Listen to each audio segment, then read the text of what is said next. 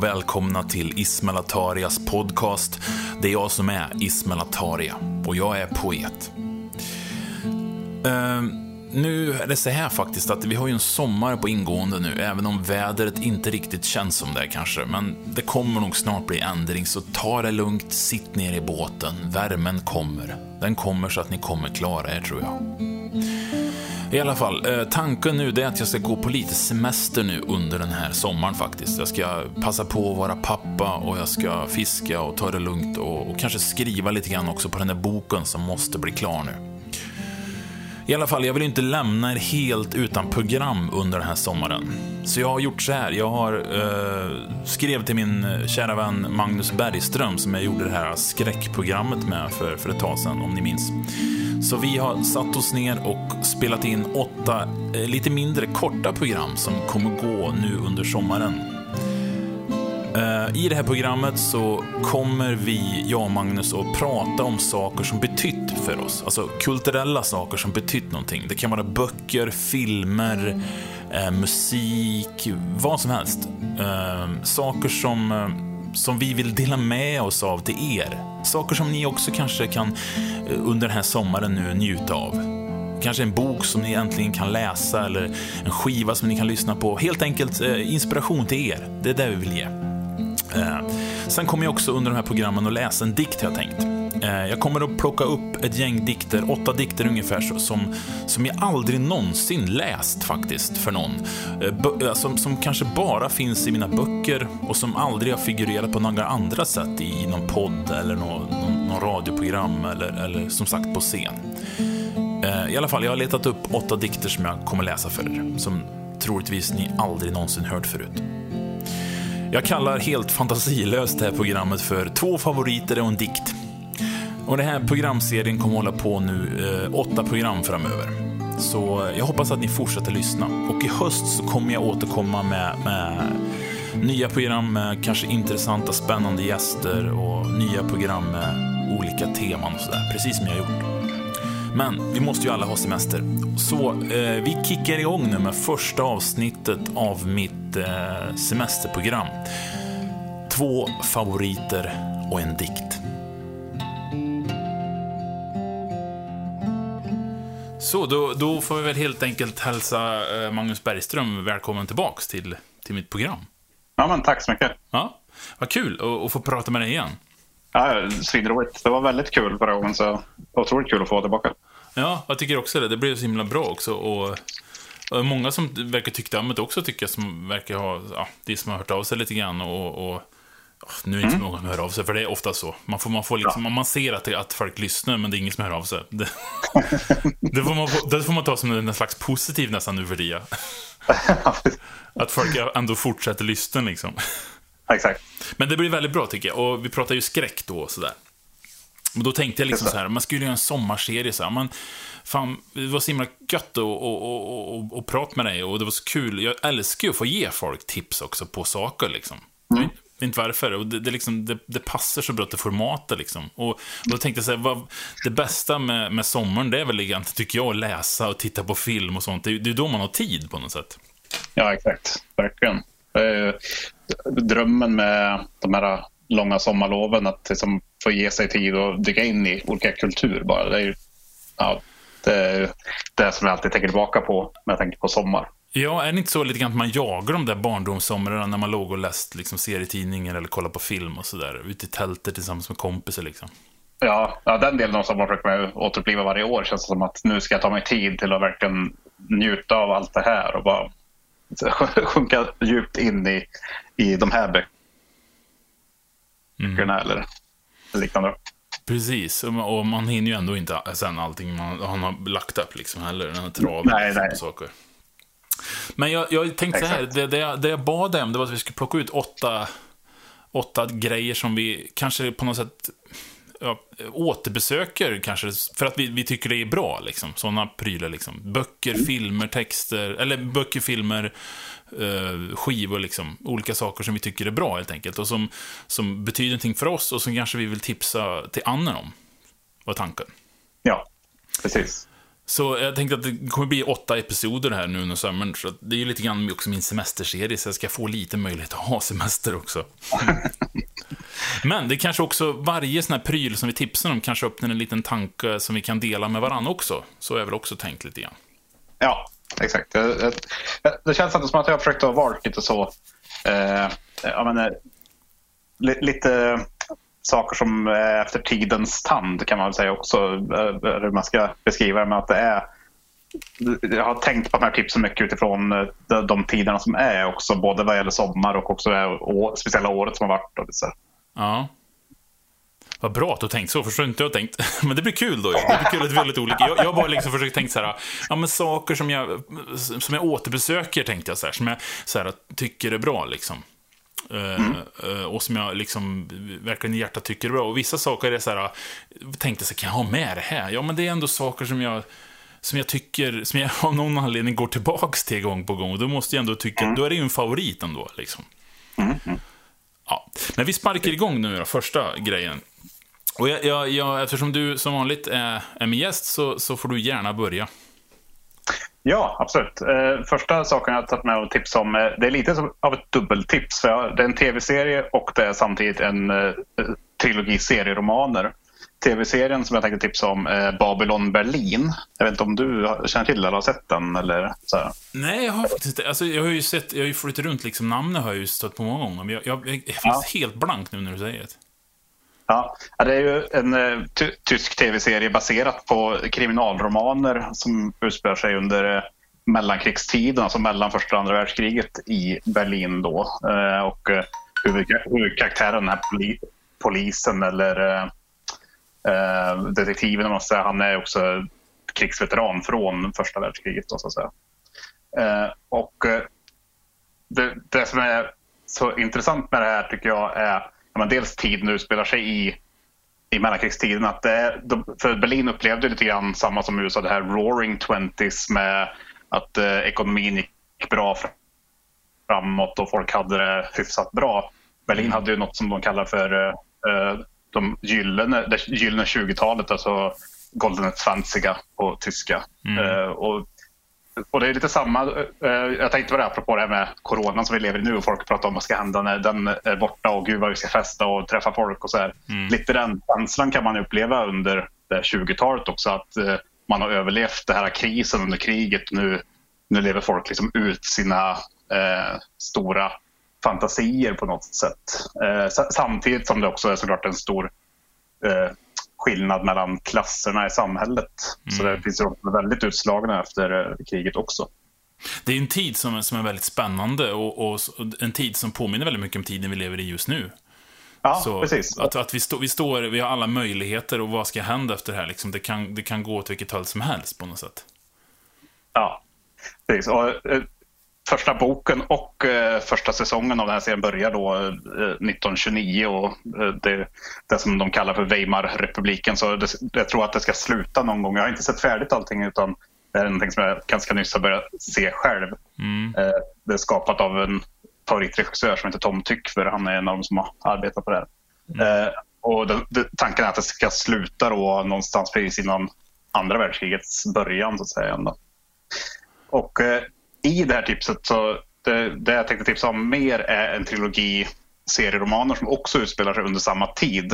Eh, det är en amerikansk serietecknare som heter Jason Lutz som har skrivit eh, tre böcker som, ja, trilogin heter bara Berlin helt enkelt och sen har varje bok undertitlar som är City of Stones, City of Smoke, City of Light. Det här är mm. en trilogi som han jobbar med under nästan 20 års tid och skildrar människor som lever i Berlin under just den här eran då från första världskrigets slut till andra världskrigets intåg i stan. Mm. Så vill man ha lite, li, lite historia eh, i kombination med sin högkvalitativa populärkultur så är det två starka tips. Jag, jag, tänker lite grann på den här, vad heter den här andra, eh, lite äldre tyska serien som är så himla lång? Eh, Berlin, Berlin Alexanderplatz kanske? Ja, just det. Men, av han, vad heter han? Oh.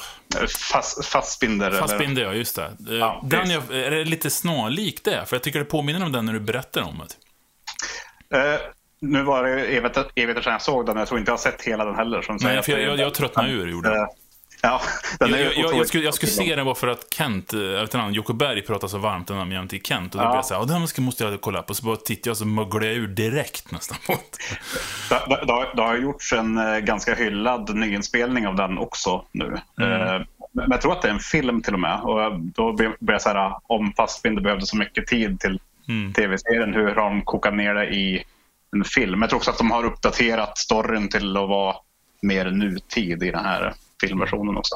Heimat heter den serien. Ah, Heimat, okej. Okay. Ja, ja, ja, precis. Ja, då tänker vi på olika. Eh, men den, den det är väl så generationsdrama också, att det gjordes en säsong med ganska brett mellanrum mellan säsongerna också. Att det hade blivit ganska stort tidshopp i storyn mellan säsongerna. Just det, ja det är inte samma, nej, just det. Men det, den, den, den, den jag menar, och den utspelades väl också i Berlin under, om man får följa den eran på något sätt också? Har jag för mig? Ja, precis.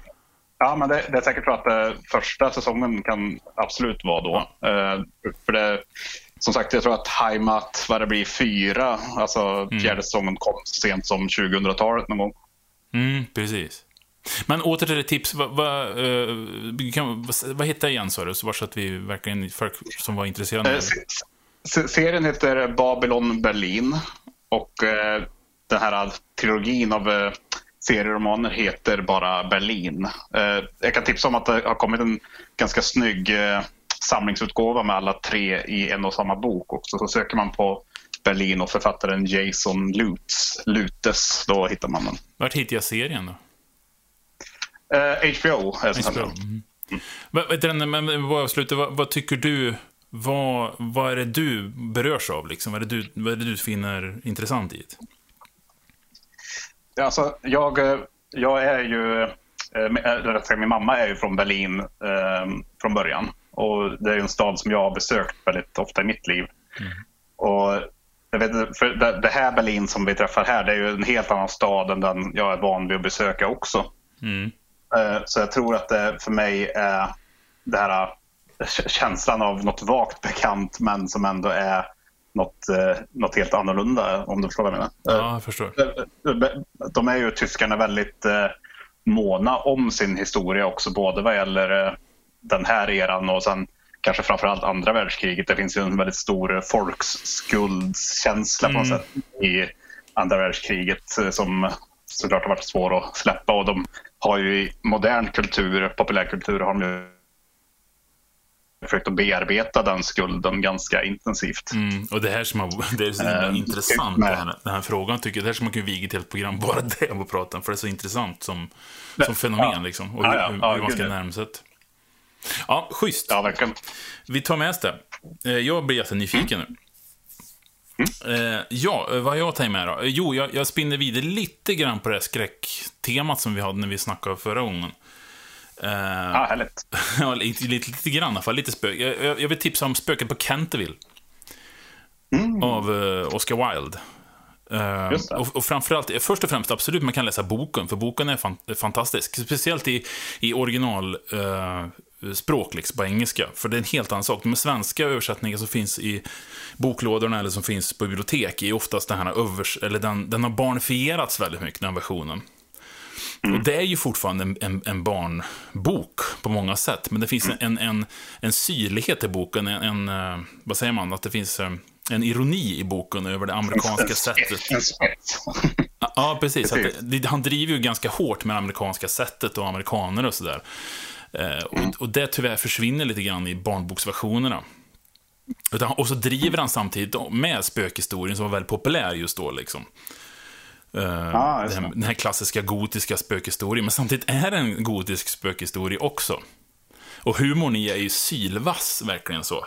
Och, men framförallt så vill jag tipsa om, om det finns en fantastisk, uh, vad heter det, uh, svensk som jag ska säga, radioteater av en som finns, den spelades in en gång på 70-talet tror jag. Med Tord Isdal bland annat som, som spöket. Tord Isdal som är med i Sällskapsresan 3, tror jag, när, när de är med på sjön. Han som har, har glasskiosken och sätter på sig glasskioskkeps och, och går ut och tankar och sätter på sig kioskkepsen, du vet. Den skådisen. och han gör spöket. Men jag, jag har sett den här sen, sen jag var barn, eller haft, haft den här på, på ljudbok liksom. Den har följt med Ja. hela livet och jag fortfarande när jag kommer tillbaka till den så är den så fruktansvärt mysig. För den här radioteatern är så, den är så tät och den klassiska musiken de har använt och Ja, den är, den är fantastisk, för att den är mysig och den är samtidigt lite obehaglig också. Fortfarande kan jag tycka att den har vissa element som är ganska gotiska och liksom får, jag får rysningar av den. Och den finns faktiskt nu ut på, på Spotify, så det är bara att googla på Spöket på Canterville så kommer det upp. Det är en ganska tråkig bild jag lagt på det också. det, ser ut som en barngrej liksom. Så. Men, men det Ja. är för hela familjen tycker jag. Men, men vad, vad bra, för vad jag funderar på just det, att går det att höra den någonstans nu? Liksom? Men det är ju det är Mm. jätte, jättemärkligt. Jag är ju jag är vagt bekant med, med det här. Alltså jag min, minns ju att jag har läst den här. Jag minns inte sammanhanget som jag läste den. men- nu när du berättar om den så, så blir jag väldigt sugen på att återbesöka den, helt klart. Ja, och Det gör är det. någonting också Ja. det är någonting också med det här eh, som säger att, att det, det blir lite meta också. Att den, att den är en eh, lite vass kommentar på en viss genre eller en viss kultur på ett sätt samtidigt som den är en egen installation i samma genre. Där som du är inne på.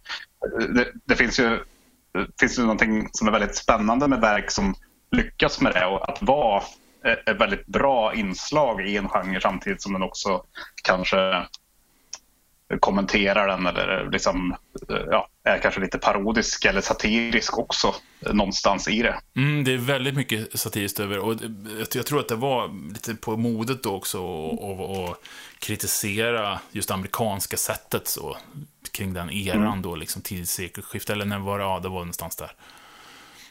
Jag, jag- blir också väldigt nyfiken just för att eh, Oscar Wilde är väldigt, eh, liksom, han är väldigt förknippad just med sitt språk. Att han, det finns så otroligt många eh, one-liner-citat av honom. Att han, Mm. han, att han var en riktig ordkonstnär. Fast alltså att han eh, kunde liksom trolla med orden. Så det är väldigt spännande att se hur, hur han gör sig på svenskan. Då. För jag, jag, Mm, det är en bra översättning också. Det är det som är grejen. Det är den bästa översättningen jag har. Eftersom jag, jag, vet, jag, fått, jag blir nästan samlat lite grann på just Spöket på Canterville. Så jag har flera böcker i svensk översättning och engelska och lite andra också. Och, och jag tycker framför det här är den, fortfarande den bästa översättningen tycker jag. För den ligger väldigt nära den engelska versionen. Den här syrligheten finns kvar och, och citaten är bra. Och det, som, som, som barn och lyssna på det var ju fantastiskt. För jag kände ju språkligt, fick jag, liksom, det, jag fick liksom se uppåt och liksom, det var som en hävstång för mig rent språkligt också. Så jag förstod ju inte allt. Nu förstår jag saker som jag kan le åt nu, som inte jag förstod alls då. Och det, jag tycker det är härligt. Jag saknar det lite grann i mycket av den litteraturen till barn som ges ut nu för tiden. Att det finns inte den där hävstången riktigt i språket, tycker inte jag på mycket saker. Utan det ska vara att man tror att barn vill ha ett barnsligt, liksom. Ja, precis. Men man ska inte underskatta barn, alltså. Tycker inte jag. Nej, verkligen. Men eh, går ut fall och, och söka på den på, på Spotify, Spöket på Canterville, så kommer den upp.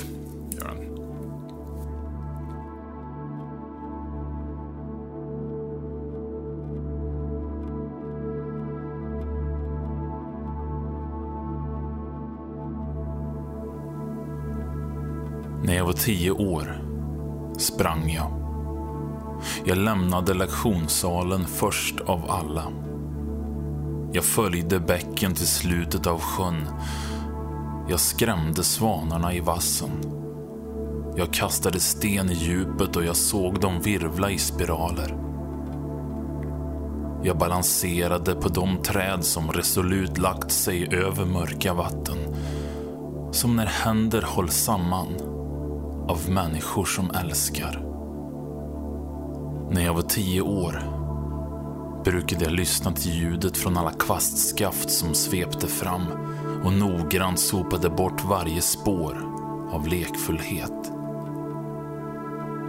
I min ensamhet glittrade jag som ett blåbär i en förvriden sagoskog. Jag lyssnade efter ljudet mellan hjärtslagen. Allt som sökte väg mellan de vuxna kuggarna som drev sina stora tysta hjul av vardag. Jag följde irrblossen till främmande länder, långt ifrån den öppna handens slag mot bräcklighetens kind. Och jag drömde. Jag drömde om blåbärsläppar, jag ville att det skulle synas på mig att jag är en sån som tuggar mörker. Att jag vänt på andra sidan och brutit kvasten mitt i tu. Gjort high five med livet. När jag var tio år låg jag i gräset och såg månformationerna. De kunde se ut som elefanter, monster eller barnpsykologer. I timmar snurrade mina ögon som två jordklot, befolkade tid och rum med fantasi. Små varelser iakttog mig bakom strån. Det enda som kunde störa var den stillsamma, gnagande känslan över vad som skulle ske i framtiden. På kvällarna satt jag vid trappavsatsen. Studerade när de vuxna gick runt och reglade hemmet så att inget skulle ta sig in, ingenting fick ta sig in. En låst dörr i vägen för allt som ville in. Jag kunde höra månformationerna stå kvar på trappan. Hur de otåligt skrapade med tassar och klor. Frustade och vacklade. Tröttnade och försvann. När jag var tio år brukade jag vakna först av alla. Gå ner och sitta för mig själv en stund. Och då mörkrets spindelben dansade över tapeten, då rädslan kröp in i sin vrå. Det var då som livet visade sitt verkliga ansikte och jag fick se berg och stora skogar. Jag fick se äventyr och höga tinnar och torn. Det var som om jag för en kort sekund förstod vad allt går ut på. Hur självklart enkel kärleken kan vara. Men så vaknade omvärlden. Trappan knakade och landskapet försvann. Skingrades som en dimma. Sögs upp genom springorna i väggen.